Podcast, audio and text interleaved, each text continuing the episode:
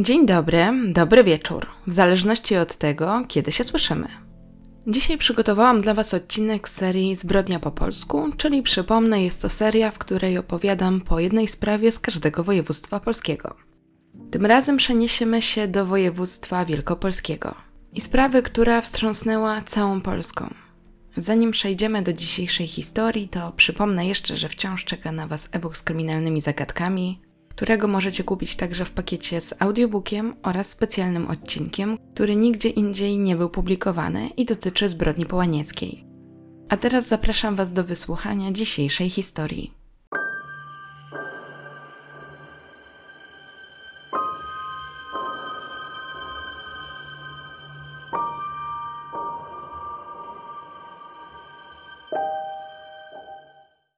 W maju ktoś udusił 67-letnią kobietę w Grodzisku Wielkopolskim. W lipcu zaatakował 20-letnią ekspedientkę pod Rawiczem. We wrześniu doszło do napadu na młodą kobietę spacerującą z 13-miesięcznym synkiem w Zakrzewie. Wszystkie te wydarzenia miały miejsce w 2002 roku w województwie wielkopolskim. Śledczy jednak nie podejrzewali, że szukają jednego sprawcy. Województwo wielkopolskie jest drugim co do powierzchni województwem w Polsce, po województwie mazowieckim. Trzecim pod względem liczby ludności w Polsce. Stolicą tego województwa jest Poznań. Jest to region z wieloma cennymi zabytkami. Przede wszystkim też z historyczną pierwszą stolicą Polski, czyli Gnieznem. Jest to miejsce, gdzie w cudzysłowie zaczęła się Polska – bo to tu znajduje się słynna katedra w Gnieźnie, czyli miejsce koronacji polskich królów.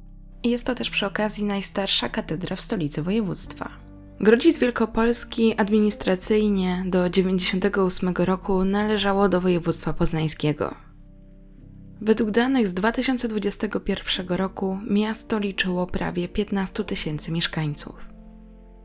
Do Poznania z Grodziska jest około 50 kilometrów to w tym mieście miała miejsce pierwsza zbrodnia mężczyzny, który łącznie zabił trzy osoby. I choć najgłośniejsza była ta ostatnia sprawa, w której doszło do ataku na matkę z dzieckiem, to zaczniemy chronologicznie i opowiem Wam najpierw o pierwszej zbrodni, a potem jak przebiegało śledztwo i jak połączono te sprawy. Pod koniec maja 2002 roku Niczego nieświadoma 67-letnia Teresa J. wpuściła do swojego mieszkania mężczyznę, który chwilę później odebrał jej życie. Mieszkała sama, miała jednak dzieci i wnuki. Utrzymywała kontakt z sąsiadami. Nikomu nie wadziła, prowadziła spokojny tryb życia. Nie było powodu do tego ataku, a jednak do niego doszło. Robiąc herbatę, nie spodziewała się, że szykuje ją swojemu przyszłemu mordercy. Dała mu jeszcze 20 złotych, a potem nie wiadomo dlaczego mężczyzna postanowił ją zaatakować. Zaskoczył ją, gdy siedziała w fotelu. Niczego nie zauważyła, gdy nagle zaczął dusić ją szalem. Nie miała szans. Zginęła na miejscu. Przeszukał jej mieszkanie. Zabrał cztery pierścionki, które potem sprzedał i trochę pieniędzy. Po wszystkim rozebrał kobietę, licząc, że zmyli trop i zasugeruje, że do zbrodni doszło na tle seksualnym. Potem wyszedł, bez emocji. Ale tylko przez chwilę, bo później, według otoczenia tego mężczyzny, doszło w nim do ogromnej zmiany. Nikt jednak nie pomyślał, aby połączyć to z tym, że mógł kogoś zabić. Minęły dwa miesiące. Sprawca tym razem postanowił zaatakować w Rawiczu. Obecnie miasto zamieszkuje prawie 20 tysięcy osób. Do Poznania jest stąd około 120 kilometrów. W 2002 roku w sklepie Dosia pracowała 20-letnia Marzena W. Nie był to sklep, w którym osiągano duży utarg. Wielu klientów ledwo wiązało koniec końcem i kupowało na zeszyt. Żebyście lepiej mogli sobie wyobrazić klimat tego miejsca, to w pobliskiej altanie często przesiadywali mężczyźni raczący się alkoholem. Niestety, akurat 23 lipca ich tam nie było.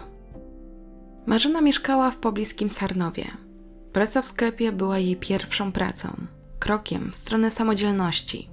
Rodzice byli dumni, że sobie radzi. Jej tata zajmował się stolarką. Nie spodziewali się, że tak szybko będą musieli ją pożegnać. Niedawno zdała maturę, przed nią było całe życie. W szkole udzielała się w młodzieżowej drużynie pożarniczej. Zawsze była miła, serdeczna. Klienci ją szanowali. Wkrótce zamierzała iść na studia. Tego dnia, jak zwykle, od rana co jakiś czas pojawiali się klienci. Większość z nich Marzena kojarzyła.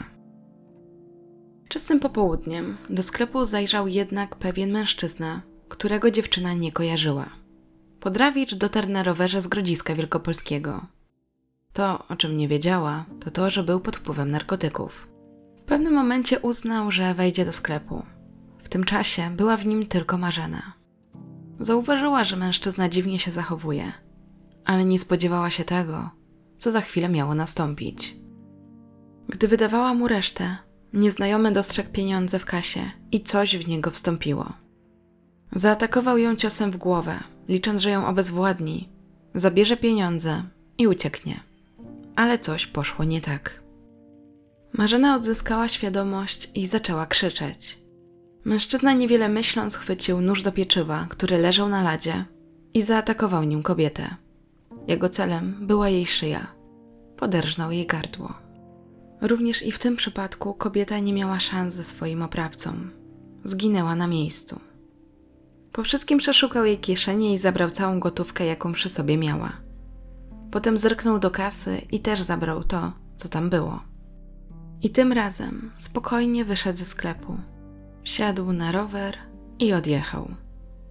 Przez kolejnych kilka godzin nikt nie zauważył, że z ekspedientką stało się coś niedobrego. W tym czasie przyszły klientki i żadnej nie zdziwiło, że sklep był zamknięty. Dopiero około godziny 15 doszło do odkrycia tej potwornej zbrodni. W zależności od źródła był to albo klient, albo jej zmienniczka. W pierwszej kolejności zaalarmowano straż pożarną, potem policję. Na miejscu pojawiła się ekipa specjalistów z Komendy Wojewódzkiej Policji w Poznaniu. Motyw tej zbrodni od początku był trudny do określenia. Wiadomo też, że kobieta nie miała szans ze swoim oprawcą. Narzędzie zbrodni znaleziono w sklepie. Morderca nie próbował go ukryć, po prostu zostawił go na miejscu. Łącznie zabrał około 400 zł.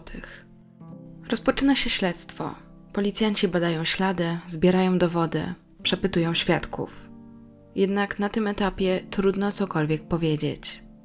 Mieszkańcy są zszokowani, że do zbrodni doszło w biały dzień. I dlaczego akurat w okolicy nikogo nie było? Przecież to nie wyglądało jak zaplanowana zbrodnia. A może jednak? Czy zbrodni dokonał jakiś odtrącony chłopak? Ale czy z takich pobudek można kogoś zabić? Wszyscy dyskutują o tej sprawie i nikt nie ma żadnych podejrzeń, kto to mógł zrobić. Oficjalnie śledztwo prowadzi Komenda Powiatowa Policji w Rawiczu, ale wspierają ich specjaliści od kryminalistyki z Poznania. Udało się też stworzyć portret pamięciowy podejrzanego. Gdy nikt nie zgłasza się z żadną istotną informacją, policja decyduje się na to, aby wyznaczyć nagrodę pieniężną. Ale i to nic nie daje. Z pomocą przychodzą także producenci programu Magazyn Kryminalny 997. W jednym z odcinków opowiedziana zostaje historia Marzeny, Wszyscy liczą na to, że w tej sprawie w końcu coś ruszy, że znajdą mordercę. Niestety tak się nie dzieje. W końcu z powodu braku dowodów prokuratura rejonowa umarza śledztwo. Rodzice Marzeny nie mogą się z tym pogodzić. Wielokrotnie interweniują na policji, ale nic to nie daje. Nie oznacza to, że policjanci nie szukają już winnego. Oznacza to tylko tyle, że na tym etapie trzeba poczekać na jakieś nowe poszlaki, dowody, tropy, cokolwiek. Na miejscu zabezpieczono ślady biologiczne, które należały do sprawcy, między innymi próbki jego krwi. To ważny dowód. Trzeba tylko mieć go z kim porównać. Mieszkańcy również nie mogą się pogodzić ze śmiercią Marzeny. Codziennie przynoszą pod sklep kwiaty. Zapalają dla niej znicze. Chcą uczcić w ten sposób pamięć o niej. Podobnie robią pod domem rodziców Marzeny. Chcą pokazać, że się z nimi solidaryzują, że ich wspierają. Śledczy brali też pod uwagę, że mogło być więcej sprawców. Analizują, czy przypadkiem nie było ich dwóch. Dowody wskazują jednak na to, że morderca działał sam. Wciąż jednak nie wiadomo, kto nim jest. W tym czasie, 5 września, dochodzi do kolejnego ataku, którego początkowo nikt nie łączy z atakiem w Rawiczu. Podpoznańskie Zakrzewo charakteryzuje się pięknymi lasami i zagajnikami. Wiele osób korzysta z uroków tego miejsca i spaceruje w tej okolicy. 5 września 22-letnia Patrycja postanowiła wyjść na spacer w tę okolicę ze swoim 13-miesięcznym synkiem. Nie spodziewała się, że tego dnia zaatakuje ją pewien mężczyzna. Gdy spacerowała po południu ze swoim dzieckiem, nagle podszedł do niej nieznajomy. Miał w ręku mapę i zapytał, gdzie tak naprawdę się znajduje. Drugą ręką trzymał rower. Kobieta myślała, że wybrał się na wycieczkę i po prostu się zgubił i chciała mu pomóc. Gdy nachyliła się, aby pokazać mu, gdzie dokładnie jest, ten niespodziewanie uderzył ją pięścią w nasady nosa. Kobieta straciła przytomność. W tym czasie mały Pawełek jeszcze nie za wiele rozumiał, ale czuł, że stało się coś niedobrego i zaczął płakać. To wyprowadziło napastnika z równowagi. Zaczął się zachowywać, jakby wpadł w jakiś szał. Nagle założył dziecku na głowę bluzę i zaczął dusić. W tym czasie nagle kobieta odzyskała przytomność, zorientowała się, co się dzieje i zaczęła krzyczeć. Mężczyzna postanowił znów ją zaatakować. Chwycił to, co było pod ręką grubą gałąź, a następnie wymierzył jej cios. Był pewien, że ją zabił. Przyciągnął jej ciało dalej, po czym ją rozebrał. Następnie wrócił do wózka i kontynuował atak na dziecko, dalej dusząc chłopca. Potem ciało chłopczyka przykrył śmieciami. Jak gdyby nigdy nic, wsiadł na rower i odjechał. Niedługo potem kobietę znalazł przypadkowy przechodzeń. Zadzwonił na numer alarmowy. Na miejscu zjawiło się pogotowie i policja. Kobieta trafiła do szpitala w stanie krytycznym, ale żyła. Jej dziecko nie przeżyło tego ataku. Sprawa od początku była traktowana bardzo poważnie. Jeszcze tego samego dnia zapadła decyzja o tym, aby powołać specjalną grupę. Należało do niej dziewięć osób. Jej celem było tylko jedno złapać mordercę. 6 września media obiegły informacje o tym, że poznańska policja poszukuje mężczyznę, który zaatakował kobietę spacerującą ze swoim dzieckiem. Między innymi taka informacja pojawiła się na interii wydarzenia. Pisano tam o ciężko pobitej młodej kobiecie i leżącym niedaleko niej ciele jej syna. W mediach pojawia się także informacja o tym, że kobieta została zgwałcona.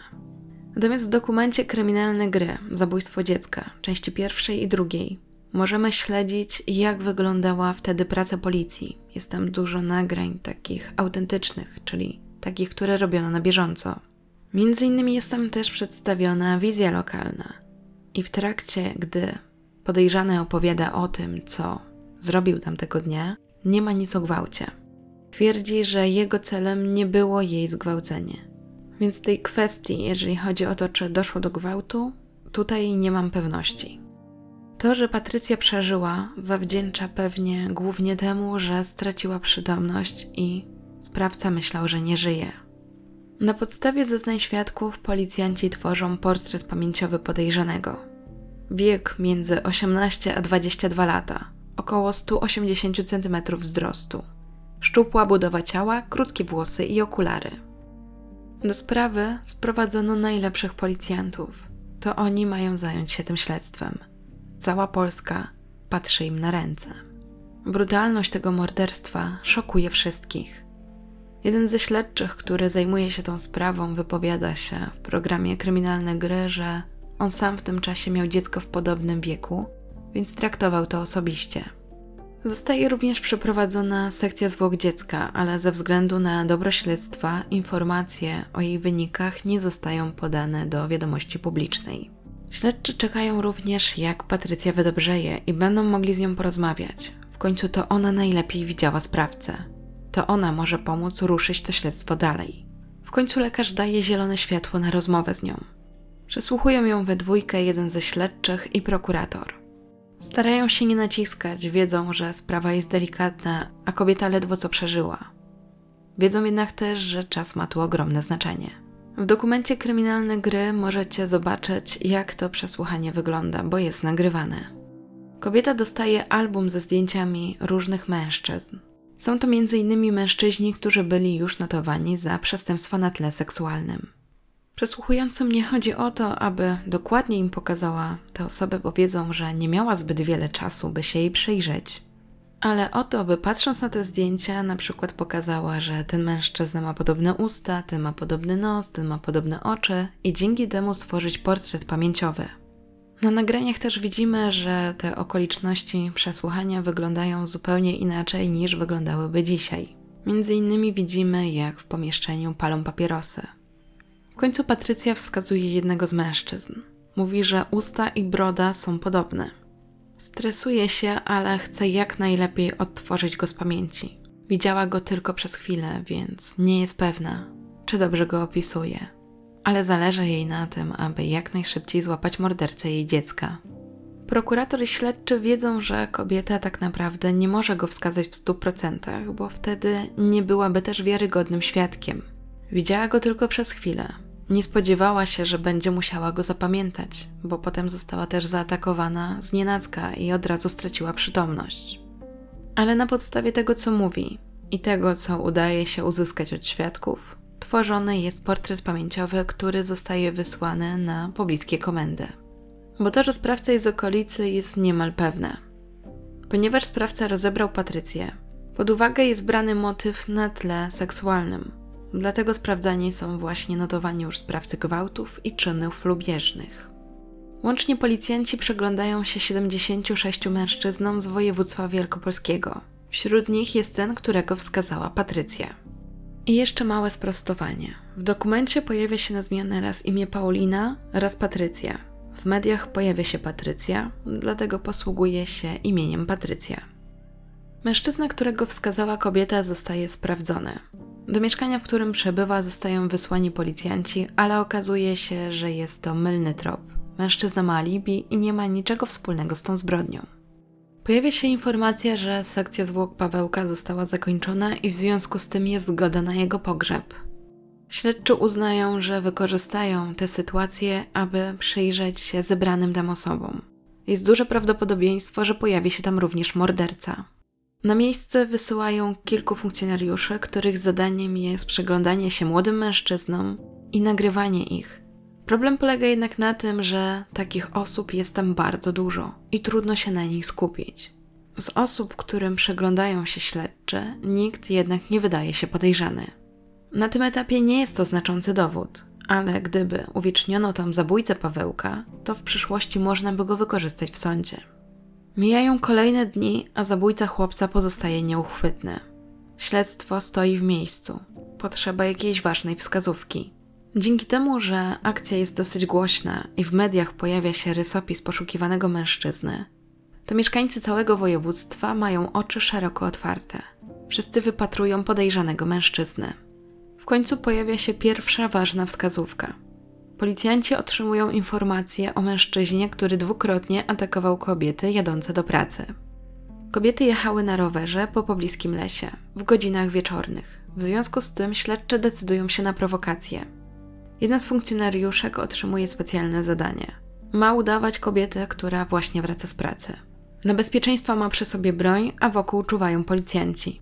Gdyby pojawiła się sytuacja zagrażająca jej życiu, ma zgodę na strzelanie.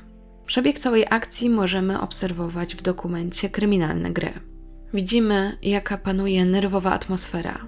Wszyscy czekają, czy morderca zaatakuje i czy to właśnie ten mężczyzna okaże się mordercą. Jest obawa o bezpieczeństwo policjantki, ale nie ma wyjścia. Trzeba tego człowieka złapać. Kobieta jeździ tą samą trasą kilka razy, ale tego dnia do ataku na nią nie dochodzi. W końcu akcja zostaje przerwana. Niestety nie udaje się złapać tego mężczyzny. 7 września Gazeta Poznańska ogłasza, że redakcja dołączyła do akcji poszukiwania mordercy z Zakrzewa i wyznacza nagrodę 5000 zł dla czytelnika, który na podstawie portretu pamięciowego będzie w stanie wskazać poszukiwanego mężczyznę. I chyba po raz pierwszy, jeśli się nie mylę, opowiadam Wam w podcaście, że faktycznie ktoś tę nagrodę potem odebrał.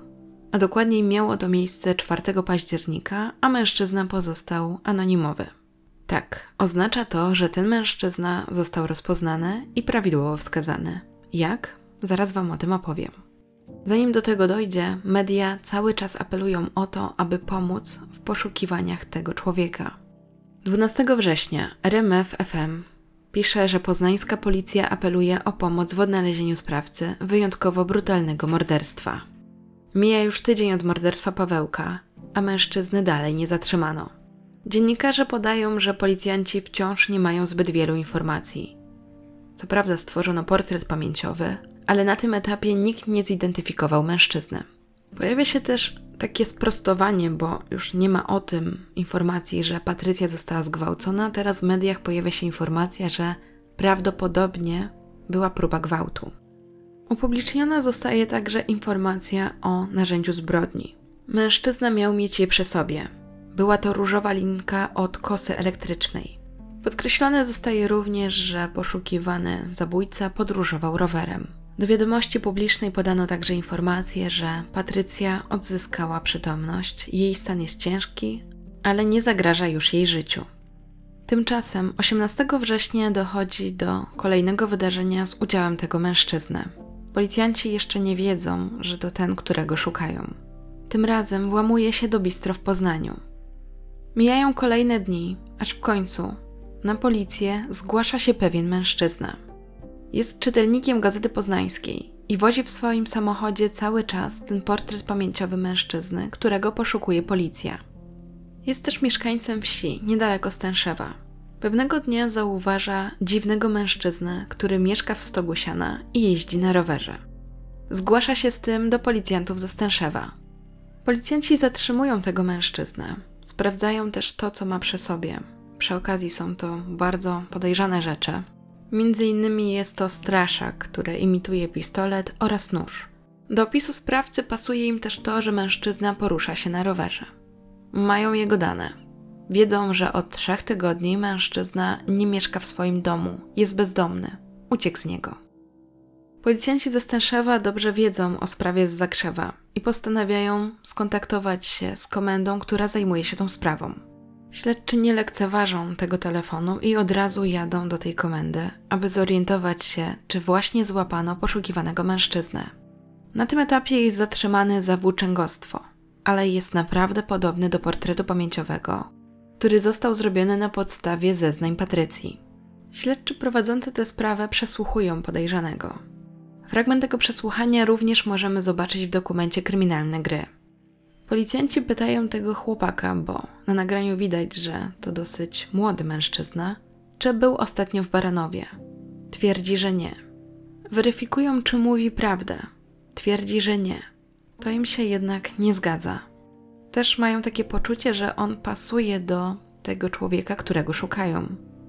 Wydaje się być właśnie taką osobą, która mogłaby dokonać takiej zbrodni. Na tym etapie jest to tylko przeczucie, ale okazuje się być trafne. Decydują się zabrać go do Poznania. Mężczyzna nie ma alibi. Jak wspomniałam, od trzech tygodni po prostu błąka się po okolicy, jeździ na rowerze. Przy sobie ma dosyć dziwne rzeczy. Do tego jest wysportowany, zna się na sztukach walki, więc mógłby zadać taki cios, jaki otrzymała Patrycja. Oglądając nagranie z przesłuchania, widzimy, że jest zestresowany. Głośno oddycha, wydaje się być załamany. Może ma atak paniki, to takie moje przypuszczenie. Na pewno wygląda na kogoś, kto nie jest gotów rozmawiać. Nie jest w stanie sklecić jednego zdania. Policjanci są jednak nieugięci, chcą go jak najszybciej przesłuchać. Wiedzą, że tylko on może powiedzieć im prawdę. W końcu płaczliwym głosem mówi, że porozmawia z nimi, że im opowie. Ale że właściwie on nie potrafi tego zrobić. Nie da rady. W końcu śledczy pyta, czy lepiej będzie, jeżeli zostaną tylko we dwóch. Na jego prośbę wyprasza pozostałych funkcjonariuszy z pokoju. I tym razem rzuca mi się w oczy to, że w pomieszczeniu palone są papierosy. Przesłuchiwany mężczyzna to 20-letni Daniel, elektryk z Grodziska Wielkopolskiego. Z nie do końca wiadomych przyczyn w pewnym momencie postanowił wyprowadzić się z domu. Nie miał gdzie iść, więc stworzył sobie kryjówkę w lesie. Tą kryjówkę też szykował od kilku tygodni. Nocami przewoził tam rzeczy, które byłyby mu potrzebne. Aktualnie nigdzie nie pracował, po prostu błąkał się po okolicy. Jeździł na rowerze. Choć w dokumencie kryminalne gry to nie pada, to w wielu artykułach pojawia się wzmianka o narkotykach. Być może to jest odpowiedzią na to, co sprawiło, że mężczyzna wpadał w szał i nagle atakował. Na tym etapie śledczy podejrzewają go jednak tylko o zbrodnię z zakrzewa. Chcą więc uzyskać od niego potwierdzenie, czy to on zrobił, czy to nie on. Początkowo mężczyzna nie chce się przyznać. Znowu płacze i mówi, że jeżeli się przyzna, to on już nikogo nie będzie miał. Wszyscy się od niego odwrócą. Dla śledczego jest to trochę śmieszna sytuacja, bo czynu już dokonał, już i tak ludzie się od niego mogą odwrócić. I to, czy się przyzna, to niczego nie zmieni. Ze szlochem mówi, że boi się, że zgnije w celi. W końcu zaczyna chyba rozumieć, że nie ma wyjścia, że śledczy już i tak wiedzą, że to on to zrobił. Przyznaje się do winy.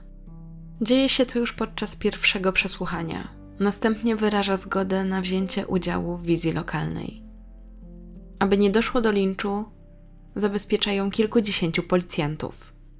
W trakcie wizji, której fragment też możecie obejrzeć w dokumencie Kryminalne Gry, widać jak mężczyzna współpracuje z policjantami i prokuratorem. Po kolei pokazuje, jak wyciąga mapę, jak pyta Patrycję o drogę, którą gra inna funkcjonariuszka w tym momencie, i potem z zaskoczenia uderza ją w twarz. Tłumaczy też, że wiedział, gdzie uderzyć, wiedział właśnie, jak ten cios wyprowadzić, aby ktoś stracił przytomność. Na pytanie, dlaczego to zrobił, mówi, że nie wie, że po prostu to był impuls. Więc prokurator dopytuje go, czy chciał ją zgwałcić. Na co on odpowiada, że nie. Czy może okraść? Też mówi, że nie. Nie jest w stanie wyjaśnić przyczyny tego ataku. Potem opowiada, że nagle, gdy dziecko zaczęło płakać, to on wpadł w taki nawet dla niego niezrozumiały szał. Po prostu sam ten dźwięk tego płaczu wyprowadził go z równowagi. Na lalce demonstruje, jak doszło do zabójstwa. Prokurator dopytuje o wszystkie szczegóły. Będą one miały potem znaczenie podczas procesu. Wizja lokalna się kończy. Śledczy jednak dalej pracują nad tym śledztwem. Między innymi trafiają do matki Daniela, która opowiada im o tym, że coś się w nim zmieniło. Kobieta nie może uderzyć, że jej syn jest podejrzany o te zbrodnie. Okazuje się też, że mężczyzna jest inwalidą trzeciej grupy, a wcześniej nigdy nie był karany. Zanim uciekł z domu, pracował w jednym z zakładów tapicerskich w Poznaniu. Jego wielką pasją było jeżdżenie na ryby. Choć z zawodu był elektrykiem, skończył zawodówkę, to nie pracował obecnie w zawodzie. Zanim został złapany, mieszkał w swojej kryjówce, a w międzyczasie żywił się jabłkami lub tym, co znalazł. Podczas przesłuchań cały czas powtarzał, że nie wie, co mu się stało. Jednak według słów jego matki wszystko zmieniło się po tym, gdy odeszła jego babcia. Policjant słysząc te informacje na chwilę przystaje przy tym temacie, bo okazuje się, że kobieta została zamordowana. Śledczy zaczyna się zastanawiać, czy przypadkiem to właśnie ten chłopak nie zabił swojej babci. I tym razem jego intuicja go nie zawodzi. Znaczenie ma też to, że w trakcie, gdy Daniel został zatrzymany, miał na swoim ubraniu ślady krwi, których nie udało im się zidentyfikować. Wiadomo jedynie było, że krew należała do kobiety. Dlatego też brano pod uwagę, że mógł zabić kogoś jeszcze. Po przesłuchaniu mężczyzny sąd decyduje o zatrzymaniu go w areszcie na trzy miesiące. W tym czasie śledczy analizują śmierć jego babci. Istotne jest to, że po jej śmierci bardzo się zmienił. Wcześniej prowadził normalne życie, tak to określali jego bliscy. Miał dziewczynę, umawiał się ze znajomymi, a potem coś się w nim zmieniło. Podczas jednego z przesłuchań zaprowadza też śledczych do swojej kryjówki, którą urządził w zaroślach z dala od domu. Miał tam wszystko, co miało mu posłużyć do przetrwania.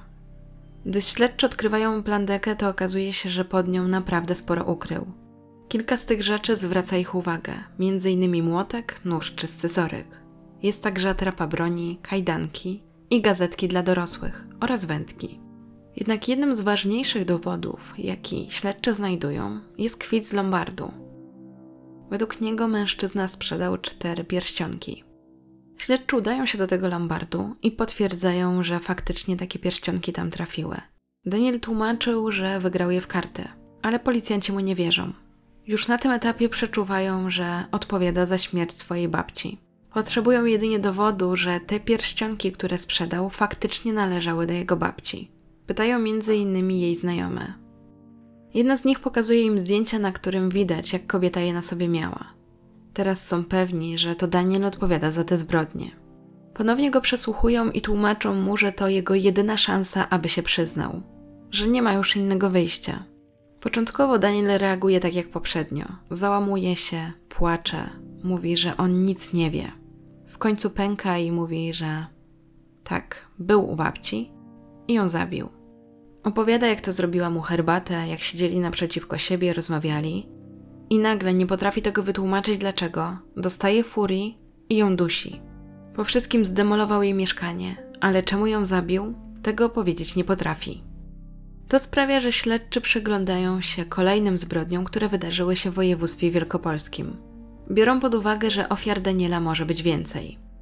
Między innymi analizują sprawę 17-letniej Natalii, licealistki z podpoznańskiej Mosiny. Dziewczyna zaginęła 28 maja i wciąż jej nie odnaleziono. Ale nie udaje się znaleźć dowodów, które łączyłyby Daniela z tą sprawą. Policjanci przyglądają się także sprawie Zrawicza. Analizują, czy ekspedientkę z Dosi mógł zaatakować właśnie Daniel. Na tym etapie nie ma jednak na to dowodów. 11 września 2003 roku do sądu trafia akt oskarżenia w sprawie zabójstwa 13-miesięcznego Pawełka i 67-letniej Teresy. Pojawiają się także przypuszczenia, że może dołączy do nich sprawa Zrawicza. W akcie oskarżenia jest także wzmianka o sześciu napadach z bronią i włamaniach do sklepów w Poznaniu oraz Grodzisku Wielkopolskim. Obrabowana zostać miała także spółdzielnia inwalidów, gdzie przez jakiś czas Daniel pracował. Łącznie Daniela dotyczy sześć zarzutów napadów i kradzieży, których miało dokonać na przełomie maja i czerwca 2002 roku. Do ataków wykorzystywał atrapę broni. Zanim jednak dojdzie do procesu, należy ustalić, czy Daniel może odpowiadać za swoje zbrodnie, czy jest poczytalny. Na początku pojawia się pierwszy przeciek, że psychiatra miał u niego stwierdzić zaburzenia osobowości pod postacią schizofrenii. Gdyby tak było, prawdopodobnie nie mógłby odpowiadać za swoje czyny. Gdyby tak nie było, groziłoby mu nawet dożywocie. W końcu pojawia się wzmianka o tym, że Daniel nie jest ani chory, ani upośledzony. Poznań Nowe Miasto pisze, że biegli zdiagnozowali u niego jedynie osobowość typu psychopatycznego i uzależnienie od narkotyków. Lekarze mieli też stwierdzić, że w jego przypadku resocjalizacja nie będzie skuteczna. Z kolei WP cytuje, że mężczyzna przyznał się do morderstwa, a dlaczego to zrobił, to nie wie. Po prostu coś w niego wstąpiło, a tak to jest bezkonfliktowy i spokojny. Proces rusza w grudniu 2003 roku. Nasze miasto Poznań cytuje wypowiedź prokuratora, który twierdzi, że podczas większości napadów mężczyzna nie wykazywał agresji i zabierał tylko pieniądze. Nie ma natomiast logicznego powodu, dlaczego mężczyznę zabił. Prawdopodobnie działał pod wpływem jakiegoś impulsu. Prokurator zakładał, że mężczyzna mordował, gdy się bał, a jednocześnie później trochę się to kłóci z tym, że pojawia się opinia, iż każdy z tych czynów dokonywał nie czując strachu, a czując się bezkarnym. Podkreślone zostaje również to, że zażywane narkotyki miały na niego tak oddziaływać i sprawiały, że on nie odczuwał uczuć wyższych. Mimo tego był w stanie pokierować swoimi czynami, a w związku z tym jest w stanie wziąć za nie odpowiedzialność. Wyrok w tej sprawie, czyli za zabójstwo 13-miesięcznego Pawełka i swojej babci, może być tylko jeden. Daniel otrzymuje dożywocie. Kilka miesięcy potem, jak rozpoczął się pierwszy proces, rusza drugi o zabójstwo Zrawicza. Na ławie oskarżonych oprócz Daniela zasiada także jego brat, który brał udział w rozbojach. Sąd skazuje go na 3 lata więzienia. Mężczyzna miał dopuścić się rozbojów z bronią w ręku i włamań między grudniem 2001 roku a wrześniem 2002 roku. W styczniu 2004 roku pojawia się wzmianka o tym, że Daniel przyznaje się do morderstwa Zrawicza. Choć policjanci podejrzewali, że mężczyzna był zamieszany w te zbrodnie, to nie mieli wystarczających dowodów. Jego przyznanie się to zmieniło. Do tej zbrodni przyznaje się, będąc już w areszcie śledczym w Poznaniu. Wyznaje, że to on napadł i zabił dwudziestoletnią Marzenę. Jej rodzice w końcu poznają prawdę i liczą, że jej mordercę czeka zasłużona kara. To, że Daniel przyznaje się do tej zbrodni, sprawia, że śledztwo rusza od nowa. Policja zbiera dowody. Ma też przeprowadzić badania DNA. Do tego w Rawiczu odbywa się wizja lokalna. Bierze też w niej udział Daniel, więc dla jego bezpieczeństwa, żeby nie doszło do linczu, ponownie zabezpieczają wielu policjantów. Daniel opowiada, że lubił jeździć rowerem po zażyciu narkotyków. 23 lipca miał wziąć pół grama. Wyjechał z Grodziska i wtedy dotarł aż pod Rawicz. Nagle wszedł do sklepu Dosia, gdzie akurat na zmianie była 20-letnia kobieta. Gdy wydawała mu resztę i zobaczył pieniądze w kasie fiskalnej, coś w niego wstąpiło. Zaatakował. Gdyby w międzyczasie nie odzyskała przytomności, prawdopodobnie by jej nie zabił. Za te zbrodnie miał być sądzony w osobnym procesie. Oznaczało to, że jeżeli sąd uznałby go winnym w obydwu sprawach, to dwukrotnie mógłby usłyszeć wyrok dożywocia. Jednak gdy rozpoczyna się proces, Daniel odwołuje swoje zeznania. Mówi, że został zmuszony do tego, żeby się przyznać, że dręczony był ciągłymi przesłuchaniami i on już nie wytrzymał. Mówi, że to, że opisał ten sklep i to, jak wyglądała Marzena, wynika tylko z tego, że wcześniej policjanci pokazali mu zdjęcia i materiały wideo. Według jego wyjaśnień kazali mu się przyznać, bo i tak już miał dożywocie, a oni chcieli zamknąć tę sprawę. Mieli mu też mówić, że już to mu nie zrobi żadnej różnicy. Dlatego w sądzie zaczął twierdzić, że jest niewinny i że 23 lipca był w Grodzisku w pracy. Sąd jednak nie dał wiary zmianie jego zeznań i uznał go winnego zabójstwa Marzeny. Otrzymał dożywocie. Według sądu społeczeństwo należy chronić przed Danielem, a w jego przypadku nie ma mowy o żadnej resocjalizacji. Po procesie głos w mediach zabrała Patrycja, która straciła 13-miesięcznego synka. Nasze miasto Poznań opublikowało jej wypowiedzi. Wynika z nich, że kobieta mówiła, że wyrok to wyrok, ale rana w jej sercu i psychice pozostanie na zawsze. Mężczyzna zabrał jej nie tylko ukochane dziecko, ale także zdrowie. W wyniku jego ataku połamana została jej czaszka. W związku z tym często robi jej się słabo i kręci w głowie. Nie może pracować. Znalazła się w trudnej sytuacji, bo z jednej strony otrzymała orzeczenie o częściowej niezdolności do pracy, ale z drugiej żadna renta z tego tytułu jej nie przysługuje. Wiąże się to z tym, że muszą utrzymywać ją rodzice. W związku z czym czuje ogromną niesprawiedliwość, że mężczyzna będzie miał do końca życia zapewniony dach nad głową, jedzenie itd., tak a ona nie ma ani grosza. Czerwcu 2005 roku nasze miasto Poznań opublikowało artykuł, w którym jednak okazało się, że Patrycja otrzyma pomoc.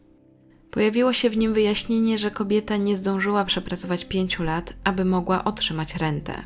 Do tego sytuacja w jej rodzinie również się pogorszyła. Jej ojciec podupadł na zdrowiu, przeszedł sześć operacji. Po apelu Patrycji zgłosiła się Warszawska Fundacja Pomocy Ofiarom Przestępstw, która jej pomogła. Zaoferowano jej pomoc na pół roku, ale lepsze to niż nic. Problemem była papierologia, bo fundacja działa na tej zasadzie, że przyjmuje wnioski o pomoc w ciągu dwóch lat od tego, jak doszło do ataku, czyli ogólnie popełnionego przestępstwa. Ale w przypadku Patrycji postanowiono zrobić wyjątek i uwzględniono jej prośbę. W 2005 roku sąd apelacyjny podtrzymał wyrok dla Daniela. Następnie jego obrońca wniósł wniosek o kasację wyroku, ale Sąd Najwyższy odrzucił ten wniosek. Kasacja została oddalona. Według prawa Daniel nie ma już w Polsce możliwości odwoływać się od tego wyroku. Jednak zgodnie z polskim prawem o wyjście na wolność może ubiegać się po odsiedzeniu 25 lat. A zatem mógłby na przykład wyjść już w 2030 roku i miałby wtedy 47 lat. I to już wszystkie informacje, jakie znalazłam na temat tej sprawy. Jestem ciekawa, co wy o niej sądzicie i co sądzicie na temat tego wyroku. Z góry dziękuję za wszystkie komentarze, łapki w górę i subskrypcje. Dziękuję także za wszelkie formy wsparcia i tu na YouTubie i na Patronajcie, a zwłaszcza moim patronom. Jagodzie, Kindze, Przemysławowi, Magdzie, Angelice, Dominice, Adzie, Angelice i Jakubowi. Jestem bardzo wdzięczna za Wasze wsparcie. Przypominam też, że w opisie znajdziecie link do e-booka Kryminalne historie z zagadkami. Myślę, że na te jesienne dni sprawdzi się idealnie. Niedługo też szykuję dla Was nowy projekt. Jeśli chcecie być na bieżąco z tym, co aktualnie się dzieje, to zapraszam Was na Instagram Kryminalne i Facebooka Kryminalne Historie. A teraz bardzo dziękuję Wam za wysłuchanie. Życzę dobrego dnia, dobranoc, do usłyszenia.